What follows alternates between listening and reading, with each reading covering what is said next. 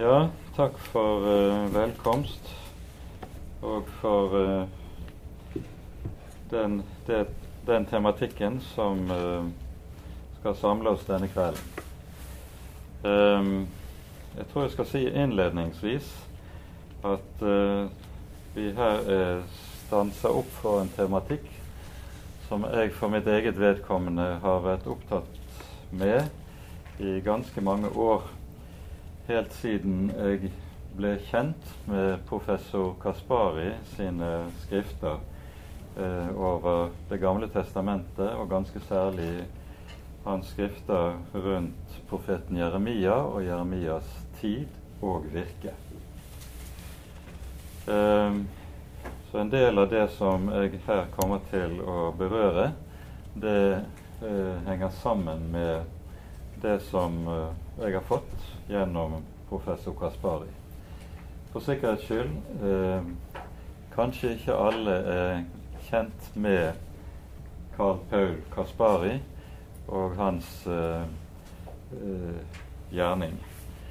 Han var eh, eh, jøde, født i det som den gang het Østerrike-Ungarn. Kom til kristen tro og eh, var en helt usedvanlig begavelse på en hel rekke områder. Han ble nokså tidlig professor i gammeltestamentlig teologi i Tyskland.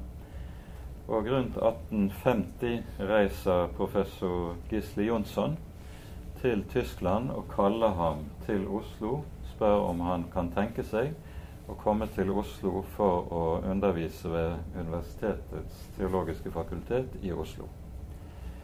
Kaspari svarer ja til det kallet, og kommer til da å tilbringe det meste av sin arbeidsdag i Oslo som professor i Gamle testamentet.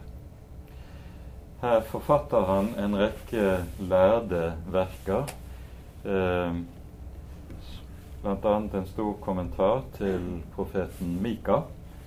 Eh, en hel rekke andre ting også, men utgir også eh, en del populære foredrag, som han kaller det for, bibeltimer som har vært holdt for lekfolk i lokalmenigheten der han holdt til i Oslo. Og Disse populære foredrag de ble utgitt i bokform, og eh, der har undertegnede snublet over disse og kommet til å ha meget stor glede av denne lesningen. Um, han har en innsikt i Det gamle testamentet som jeg tror jeg eh, knapt har møtt noe annet sted. Og dette er vel eh, kanskje noe vi kan ha rett til å peke på. At det ser ut til at jødekristne eh, på dette området har usedvanlig meget mer å gi oss enn hedningekristne har, som står fremmede overfor Det gamle testamentet og Det gamle testamentets verden. Det får nå være som en liten parentes innledningsvis eh, før vi går inn i temaet. Eh, begrepet nådetid er vel hentet fra ordene i 2. Korinterbrev 6. kapittel, der vi i eh, vers 2 hører det sies Herren sier på den tid som behaget meg, bønnhørte jeg deg. På frelsens dag kom jeg deg til hjelp. Se, nå er nådens tid. Nå er frelsens dag. Og En av de tekstene i Det nye testamentet som aller klarest eh, belyser noe av hva som ligger i begrepet nådens tid, det er Jesu ord i eh, Lukasevangeliets 13. kapittel. Her eh, leser vi fra vers 6 en lignelse, ganske kort, fra Jesu munn. En mann hadde et fikentre plantet i vingården sin. Han kom og lette etter frukt på det, men fant ingen. Han sa da til vingårdsmannen, se, i tre år har jeg nå kommet og lett etter frukt på dette fikentreet, men ikke funnet noe. Hogg det ned. Hvorfor skal det stå her og utarme jorden? Men han svarte og sa til ham, Herre, la det forstå også dette år, til jeg får spadd opp rundt det og gjødslet det. Kanskje bærer det da frukt neste år. Gjør det ikke det, så får du hogge det ned. Og De som er kjent med Kirkens tekstrekker, de vil huske at uh, dette er prekentekst på nyttårsaften etter en av tekstrekkene. Man går inn i det nye året under uh, disse ordene i bønn om at Herren vil gi oss en fortsatt nådens tid, like som vi har hatt det i året som ligger bak. Nå er det slik at begrepet nådens tid det kan eh, dekke to ulike forhold. For det første rent individuelt. Det enkelte mennesket har sin nådetid fra Gud som vi ble minnet om innledningsvis fra profeten Jesaja, søk Herren den tid han er å finne, kall på ham den tid han er nær. Og Dette er ord som er rettet til det enkelte mennesket, med et kall til omvendelse. Hvor lenge et menneske står i en slik nådens tid her i livet, vet vi ikke. Det er noe som ligger i Guds råd alene. Men for oss som eh, predikanter og som troende har vi den helt klare plikt at med hvert menneske vi møter, skal møtes under det overlys at dette mennesket står under nådens tid. Slik skal det tales, og slik skal det forkynnes til hvert enkelt menneske som vi står overfor. Samtidig er det også slik at begrepet nådetid kan anvendes om kollektivt om både menighet og nasjonen, nasjonenes liv. Og ikke minst i Det gamle testamentet så møter vi det som et kollektivt begrep, der det taler om nasjon, både Israel sin som nasjon og om nasjoner ellers omkring Israels folk. Dere vil huske at uh, når Herren kommer til Abraham i slik vi leser det i 15. kapittel i Første Mosebok, og uh, inngår pakt med Abraham og lover ham at etter noen generasjoner skal uh, hans slekt få Kanans land til eie så sier Herren at han samtidig vil vente enda noen hundre år, fordi, sies det, kananittene har enda ikke fylt sine synders mål. Det er altså tale om at en nasjon kan komme dit hen at det fyller sine synders mål. Da er nasjonens tid slutt under Guds nåde, og dommens tid begynner. Denne dom ble Israel satt til å fullbyrde da de inntok det lovede land. Men vi møter tilsvarende at dette er noe som Herren selv utfører ved ulike anledninger. Vi har beretningen om Sodoma og Gomorra i eh, Første Moseboks 19. kapittel. Og vi, vi har beretningen om syndfloden fra det sjette kapittel i Første Mosebok likeledes. Og Her i alle disse tilfellene er det tale om at det er en nådetid som tar slutt. Og da avløses av dommens tid. Det som vi her er inne på, det henger uløselig sammen med Bibelens tale om Guds vrede. Gud er ikke bare nådens Gud, som gjør alt som overhodet står i hans makt for at mennesker skal få del i nåde og frelse. Men han er samtidig også den Gud som vredes. Ja, det sies sågar han vredes hver dag. Og i Salme 90, som uh, har overskriften en salme av Moses, der lyder det slik Hvem kjenner din vredes styrke? således som frykten for deg krever. Mange av dere vil kjenne og ha lest dette heftet ifra, som er utgitt i FBB, opprinnelig et Arken-hefte som er kommet i nytt opplag i FBB eh, av Erling Utnem med tittelen 'Den hardeste lære i Guds ord'. Uttrykket 'den hardeste lære i Guds ord' er hentet fra Luther, som nettopp understreker dette at Bibelens tale om den vrede Gud, det er den aller hardeste lære vi finner i Den hellige skrift. Og Poenget hos Luther når han taler om dette, er at menneskets tilværelse totalt sett her i verden er en tilværelse under Guds vrede. Men dette er en tilstand som er ukjent for mennesket like til det stilles overfor den hellige Gud når loven lyder i hele sin skarphet og med hele sitt, sin tyngde.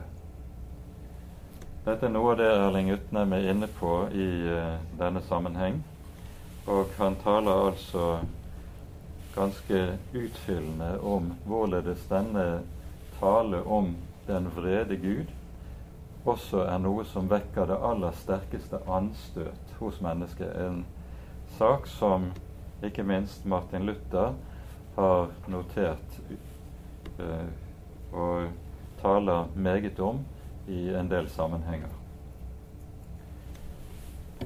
Utnem siterer innledningsvis Emil Brunner i dette heftet, og det sies slik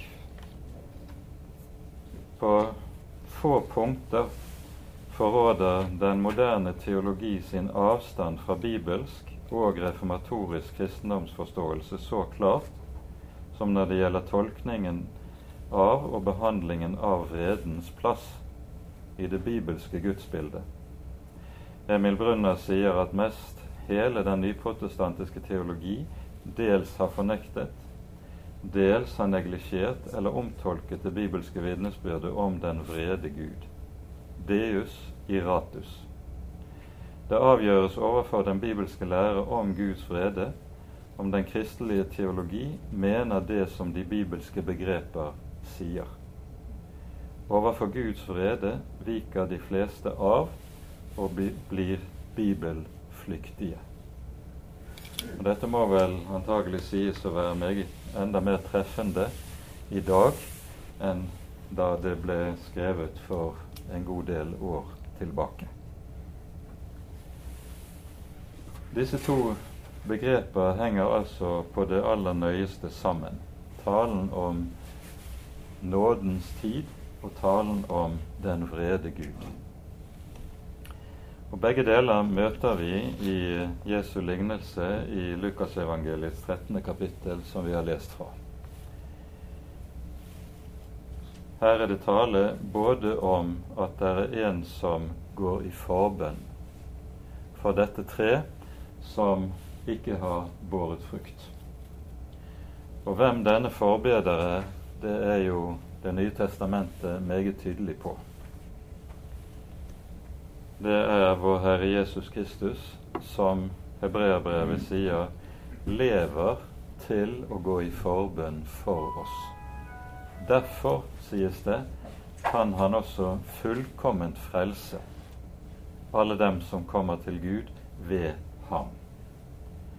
Og i 1. Johannes brev i det annet kapittel hører vi om hvorledes den Herre Jesus kalles for den første talsmann. Mine barn, dette er skrevet til dere for at dere ikke skal synde. Men dersom noen synder, da har vi en talsmann hos Faderen, Jesus Kristus den rettferdige, og han er en soning for våre synder. Det er med dette i bakgrunn at Jesus er forbederen, som tegnes for oss her i møte med fikentreet, som ikke bærer frukt. Han utber seg enda en nådetid for det fruktløse eller det golde tre. Det bildet som vi møter her, det knytter jo an til et bilde som stadig går igjen gjennom store deler av Det gamle testamentet, nemlig der Israels folk tegnes for oss som vintreet som Herren har plantet, og som ikke bærer frukt. Salme 80 tematiserer dette. Herren har tatt opp et skudd fra Egyptens land, drevet ut og ryddet for, nytt land for det og plantet dette skudd i Israels jord. Det skyter opp, skyter grener både mot havet og mot elven, står det. Og så kommer spørsmålet hvorfor, Herre, har du revet ned dets hegn? Slik at de som, alle de som går forbi på veien, eter av det. Svinet fra skogen gnager på det, og alt som rører seg på marken, tærer på det. Hvorfor har du brutt ned dets hegn? I denne salmen møter vi en bønn som dukker opp tre ganger. Herre, omvend oss du, så vi blir omvendt. Tre ganger gjentas denne bønnen i denne salmen. Det er en bønn som bes fra et folk som har opplevd Guds dom, at vreden har brutt løs. Og så kommer bønnen 'Herre, omvend oss du', så vi må bli omvendt. En annen hovedtekst i denne sammenheng er den vi finner hos profeten Jesaja i det femte kapittelet. Her hører vi hvorledes det sies Ja, nå hadde vi Jeremia 5 her. Jesaja 5. Jeg vil synge om min elskede, synge min venns sang om hans vingård. Min venn hadde en vingård på en fruktbar haug. Han gravet den om og renset den for stein og plantet edle vintrær i den. Han bygget et vakttårn midt i den og hogget også ut en vinpresse. Han ventet at den skulle bære gode druer, men den bar ville. Og nå, dere Jerusalems innbyggere og Judas menn, døm mellom meg og min vingård. Hva var det mer å gjøre med min vingård som jeg ikke allerede hadde gjort med den. Og Dette spørsmålet er helt grunnleggende, for det setter ord på hva som er Guds nådes gjerning både med hans folk i gammeltestamentlig tid og overfor oss som hører til i den nye pakt. Hva var det mer å gjøre som jeg ikke har gjort? Gud hadde velsignet sitt folk uhyre rikt. Fridd dem fra fangenskapet i Egypt, ryddet ut nytt land for dem, plantet dem i et land som fløt med melk og honning, og gitt dem hele sin velsignelse. De manglet intet når de handlet om Guds omsorg og Guds nåde imot dem. Og så bærer de ikke frukt, bærer kun ville druer. Hva var det med å gjøre som jeg ikke har gjort, spør Herren sitt folk. Og nøyaktig det samme kan sies, og med enda større tyngde, i den nye pakts tid. Hva var det med å gjøre som jeg ikke har gjort? Han har gitt oss en frelse i sin sønn som er fullkommen, som det ikke mangler noen ting i. Når Sønnen dør på sitt kors, så lyder det 'Det er fullbrakt'. Og budskapet som Den kristne kirke blir satt til å gå ut med her i verden, er Kom, for alt er ferdig. Det er fullbrakt. Det er gitt oss en fullkommen frelse som Guds folk skal få lov til å få del i av nåde for intet. Og så lenge denne frelse forkynnes og lyder, så er det også en nådens tid. Så kan den allmektige spørre sin kirke også i vår, vår tid og i våre dager hva var det mer å gjøre som jeg ikke har gjort? Hvorfor bærer dere ville druer? Hvorfor bæres det dårlig frukt? Når jeg så rikt har gitt dere frelse, et evangelium som er fullkomment, og som det ikke mangler noe i. Dette er Guds høyst berettigede spørsmål til sitt folk den gang og i dag.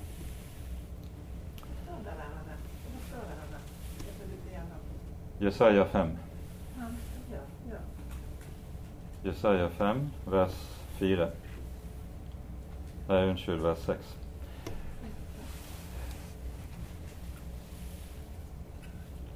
Vi hadde møte i eh, Lutherakademiet i København for noen par uker tilbake. I forberedelsene til dette møtet kom jeg til å lese Jaroslav Pelikan sin uh, bok om Luther som skriftutlegger. Som dere vet, så var Luther det vi i dag ville kalt for professor i Det gamle testamentet. Den Størstedelen av hans undervisning ved universitetet i Wittenberg handlet om gjennomgang av gammeltestamentlige skrifter. Og Det Pelikan noterer i sin kommentar til dette, det er at Luther leser Det gamle testamentet som Guds folks historie, ikke bare i den forstand at dette er det gammeltestamentlige Guds folks historie, men også det nytestamentlige Guds folks historie. Luther leser hele Kirkens historie og eksistens inn i det som er erfaringen fra Det gamle testamentet. Og Derfor blir Det gamle testamentet på mange måter en virkelighet som Luther lever i, og som fungerer som tolkningsnøkkel til det han selv opplever i sitt liv i sin kirke, i sitt land og i sin hverdag. Dette er jo å ta på, å ta på ramme alvor det som Paulus skriver til menigheten i Korint i uh, det tiende kapittelet i første Korinterbrev, der Paulus minner om ørkenvandringens ulike begivenheter og sier Alt dette skjedde dem som forbilder. Men det er skrevet til formaning for oss, til hvem de siste tider er kommet. For at vi ikke skal ha lyst til det onde like som de. Det er slik Luther helt konsekvent forholder seg til og leser Skriften i Det gamle testamentet. Og Dermed er vi kommet inn i noe som for min del altså har blitt ganske sentralt når det gjelder forståelsen av gamle, den gammeltestamentlige historie og sammenhengen i den gammeltestamentlige historie. Så Går vi videre fra Jesaja-bokens femte kapittel, så kommer vi til kapittel seks. Dette kapittelet som er kalt for Jesajas kallsberetning. Jeg tror ikke det er hans kall, kallelse vi leser om her. Jesaja har allerede virket som profet i en periode forut for dette. Men Jesaja 6 står i vår bibel som et vendepunkt i hele frelseshistorien. Og Dette er avgjørende å være oppmerksom på. I det år kong Ussia døde, så jeg Herren sitte på en høy og opphøyet trone. Slepet av hans kåpe fylte tempelet. Serafer sto omkring ham. Seks vinger hadde hver.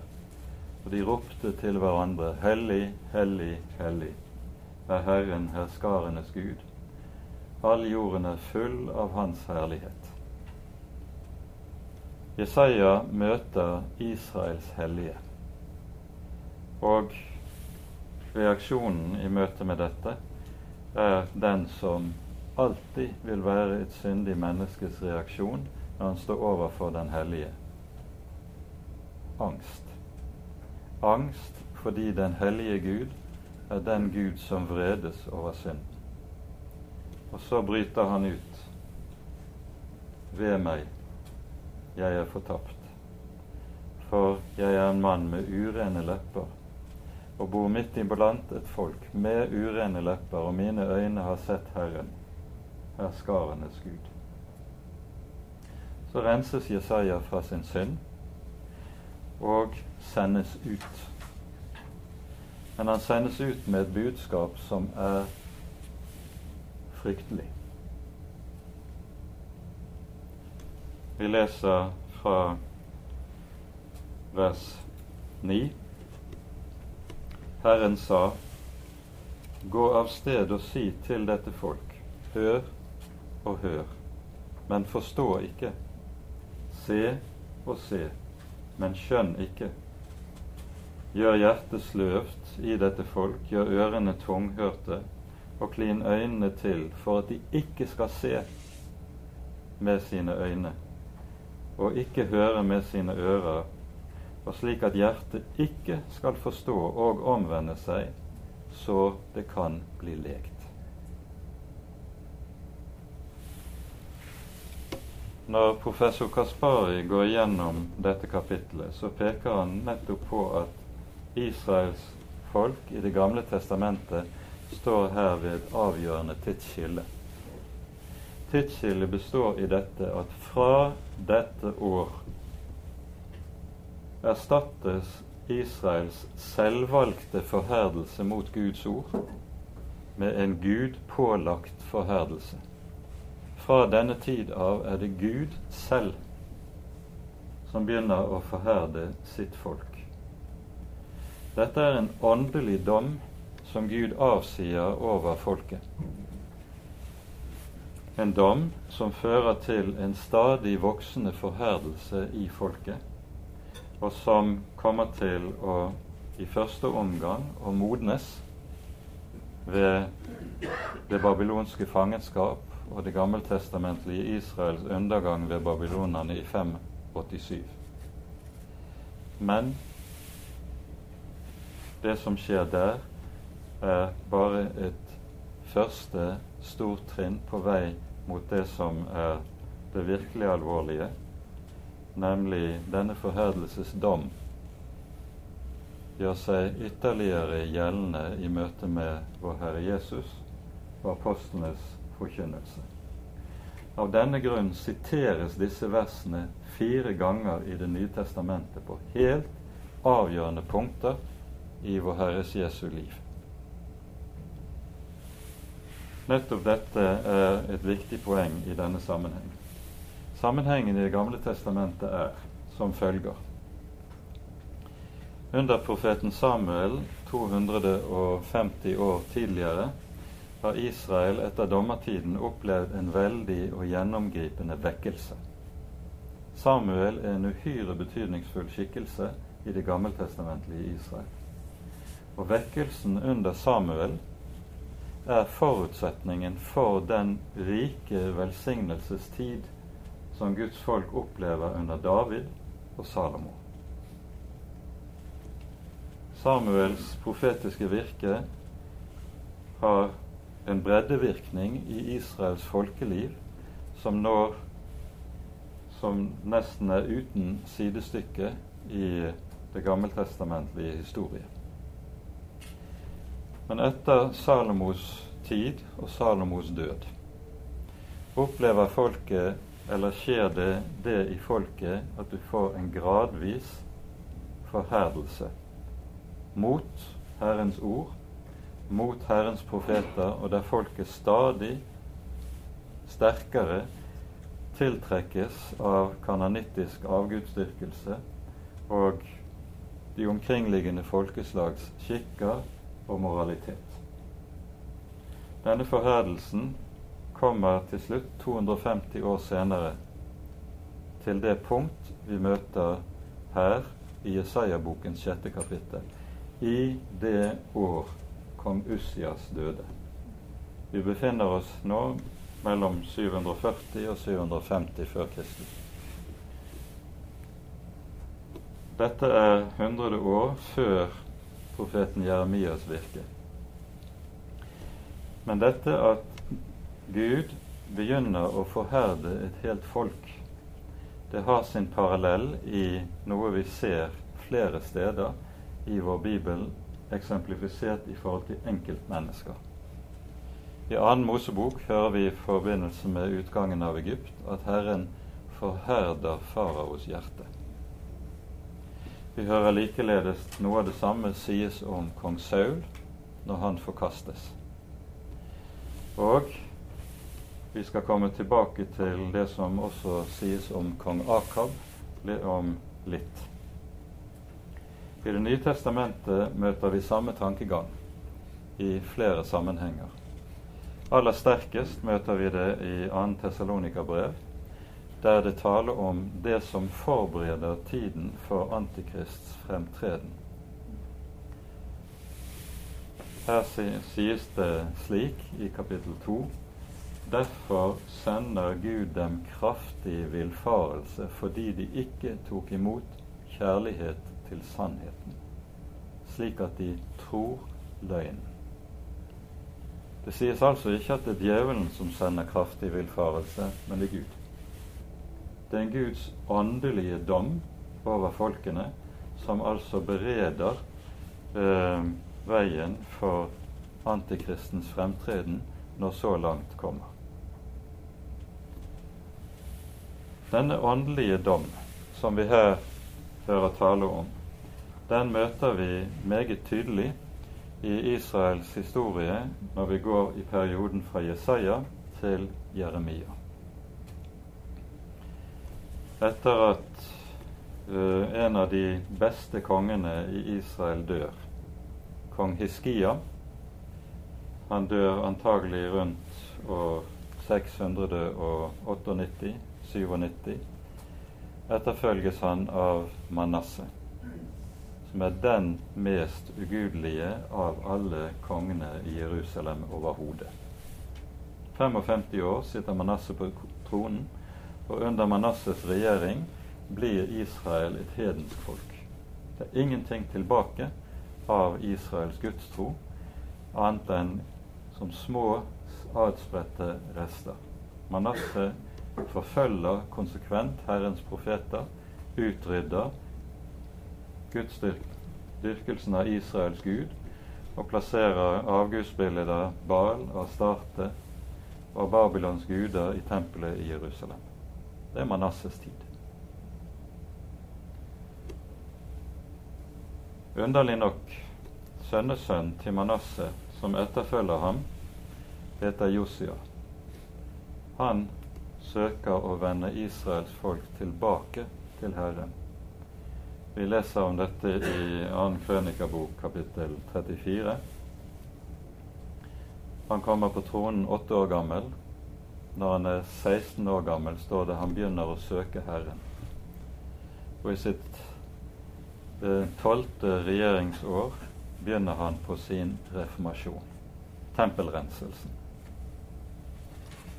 Og så skjer det under at mens de holder på å rydde ut all styggedommen av tempelet i Jerusalem, så gjenfinnes der en bokrull. Det står at de fant Herrens lov ved Moses hånd i tempelet i Jerusalem. Uttrykket som anvendes i grunnteksten, kan neppe bety annet enn at det er selve autografen som Moses forfattet før sin død, når han skriver 5. Mosebok Jericho, ved Jerikos ødemarker før folket skal inn i det lovede land. Denne bokrullen skulle jo legges i paktens ark, og det er antagelig denne som nå gjenfinnes. Josias reformasjon begynner i hans tolvte regjeringsår. I det trettende regjeringsåret kalles Jeremia til profet. Og eh, når professor Kaspari beskriver dette, så beskriver han det slik. Han sier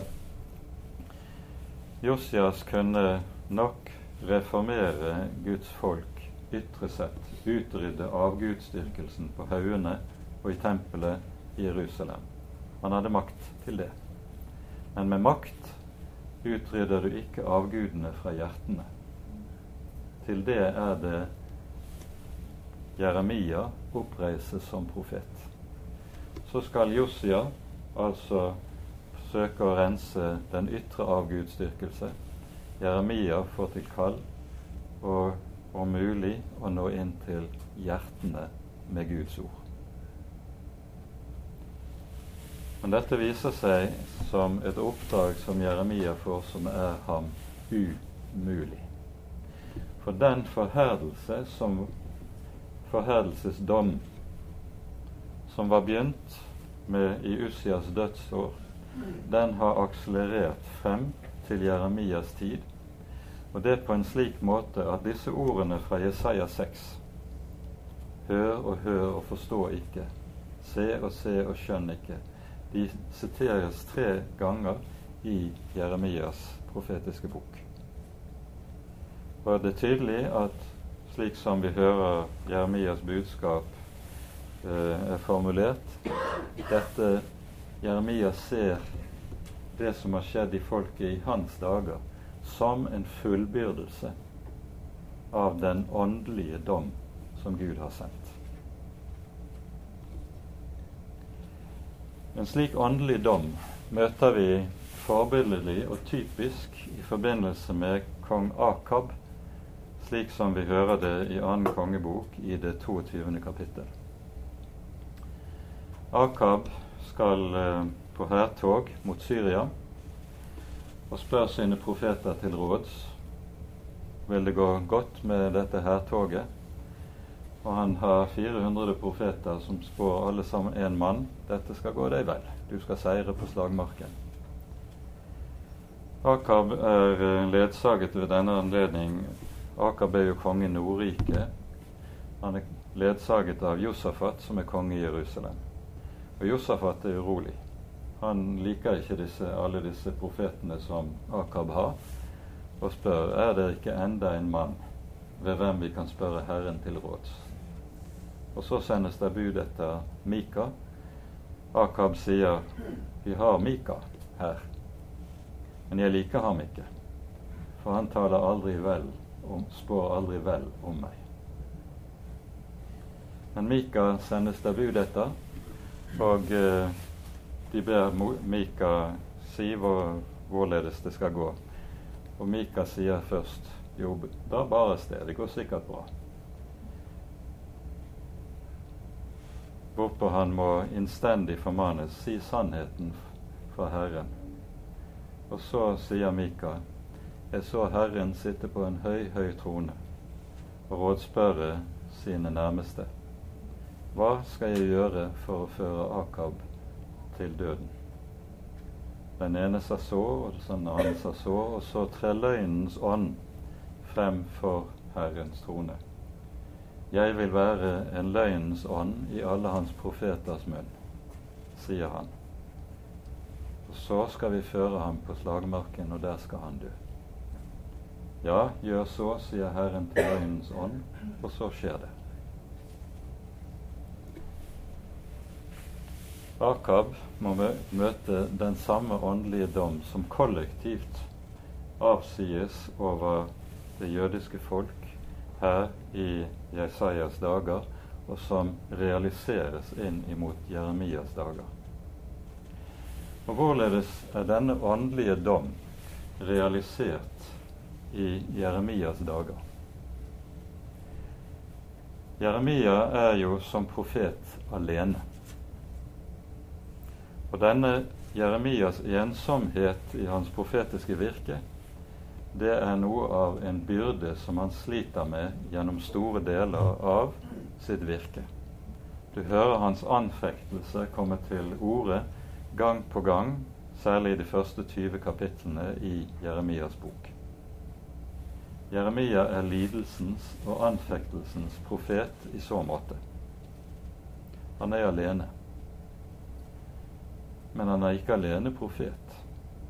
For Jerusalem vrimler det av profeter. De falske profeter. De er mange. Og Det som kjennetegner de falske profeter, er at de er meget populære. De har et budskap som folk liker å høre. Mens Jeremia han er dypt upopulær, for han forkynner et budskap som folk ikke vil høre. Israels folk reagerer mot Jeremias forkynnelse akkurat som Akab gjorde overfor Mika. Jeg liker ham ikke, for han taler ikke vel om meg. Og Nettopp dette er situasjonen som Jeremia står i.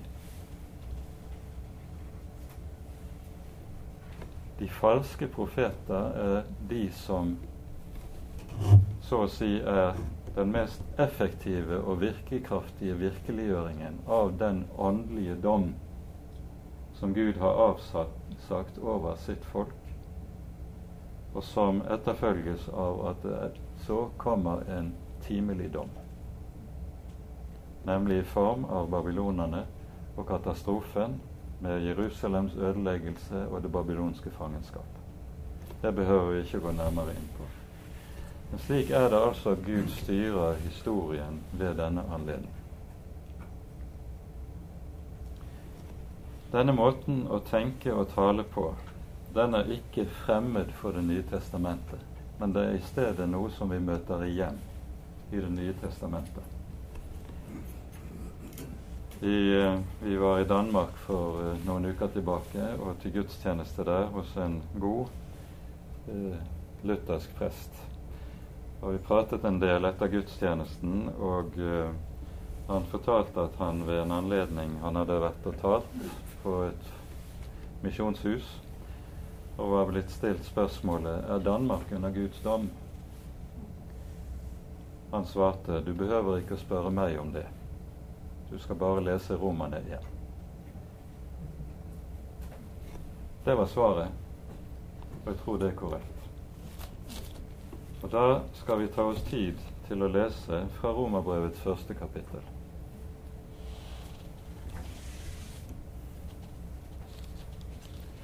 Vi leser fra vers 22, der det taler om hvorledes hedenskapet kommer til å ytre seg i Paulus sin måte å beskrive dette på.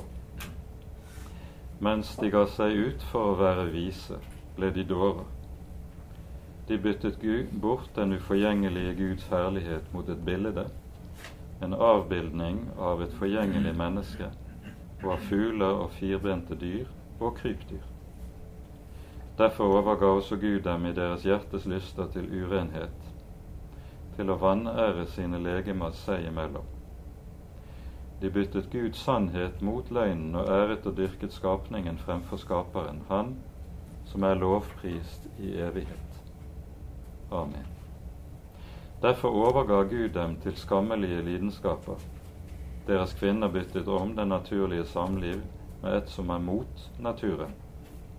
På samme vis forlot også mennene den naturlige omgang med kvinnen og brant i sitt begjær etter hverandre Menn drev skammelig utukt med menn og fikk på sin egen kropp den straff som var uunngåelig på grunn av deres forvillelse.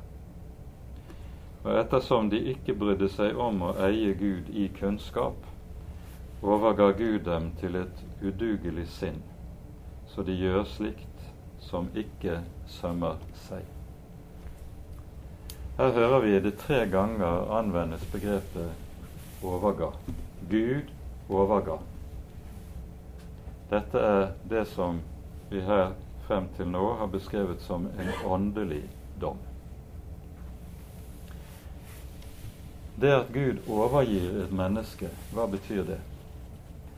Det betyr helt konkret at dette mennesket er overgitt til seg selv på en slik måte at det ikke lenger har noen instans i seg, sitt eget bryst, som setter spørsmålstegn ved ens egne handlinger og ens egne gjerninger.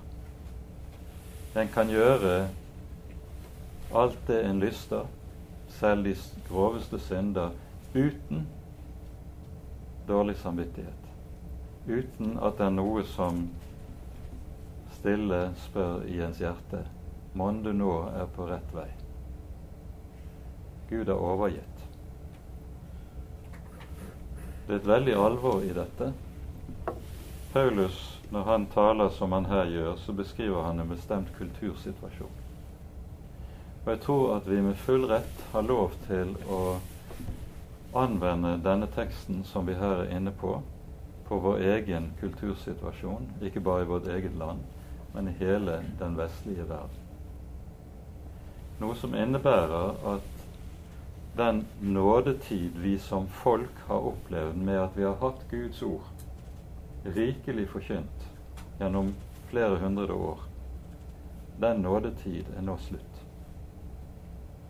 Og vi har kommet til en tid i folkelivet der vi i stedet står overfor en åndelig dom som rammer oss, og som gjør seg gjeldende slik som vi her hører Paulus beskrive det. Israels historie er i så måte en mal på vår historie, og ikke minst vår kirkehistorie.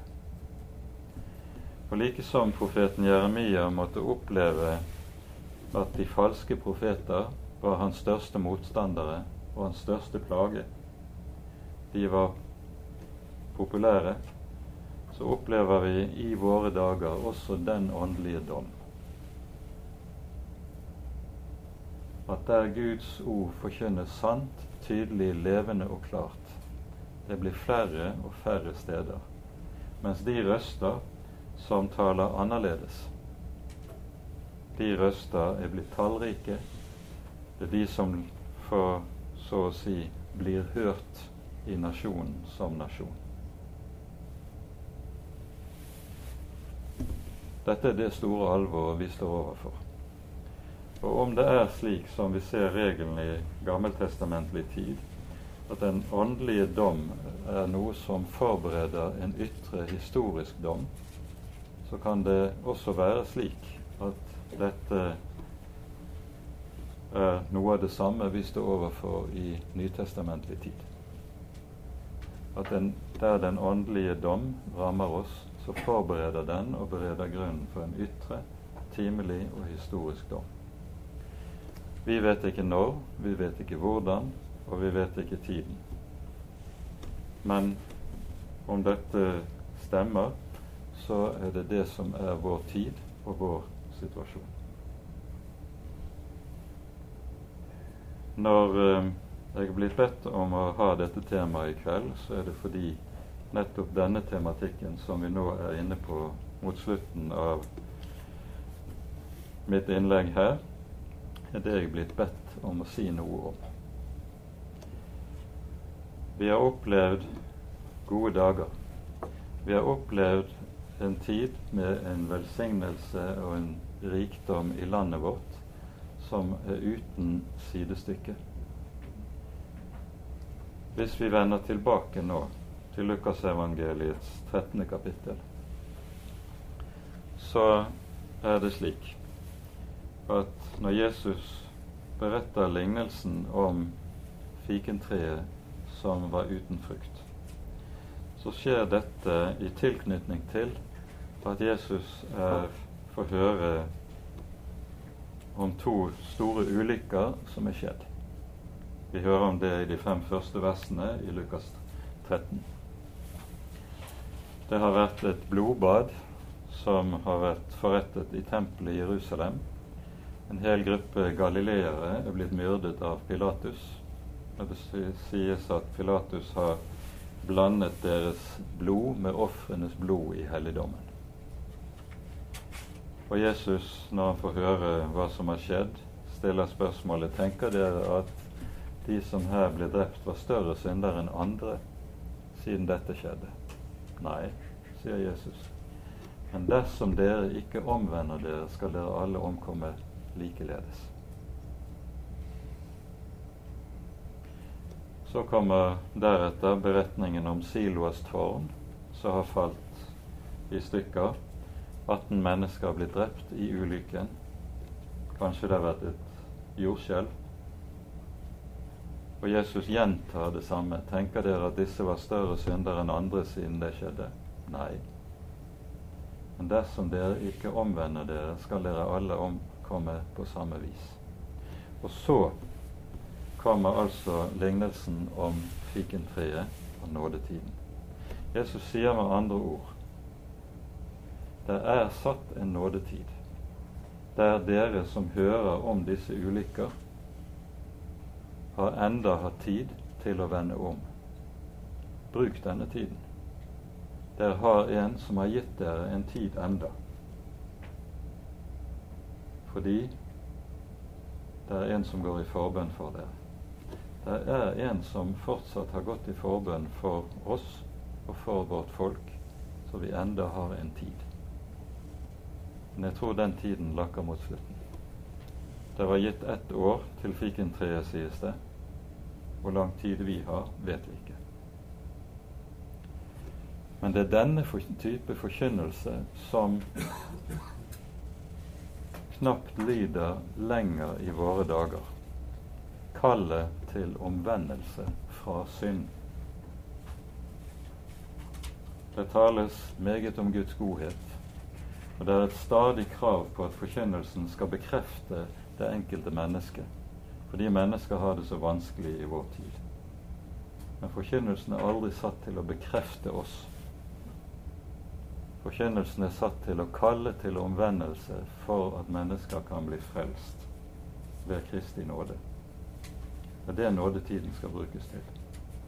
Og har Gud fortsatt gitt oss en nådetid midt i at vi nå er under det jeg tror er Guds åndelige dom over vårt folk, så skal vi bruke denne nådetid på rette vis. Ved å tale rett, ved å og kalle til vårt folk til omvendelse. Bare på den måten vil det være håp for land og for folk og for kirke. Med det tror jeg jeg setter punktum for dette, og så får vi tale sammen etter pausen. Ære være Faderen og Sønnen og Den hellige ånd, som var og er og være skal, en sann Gud, høylovet i evighet. Amen.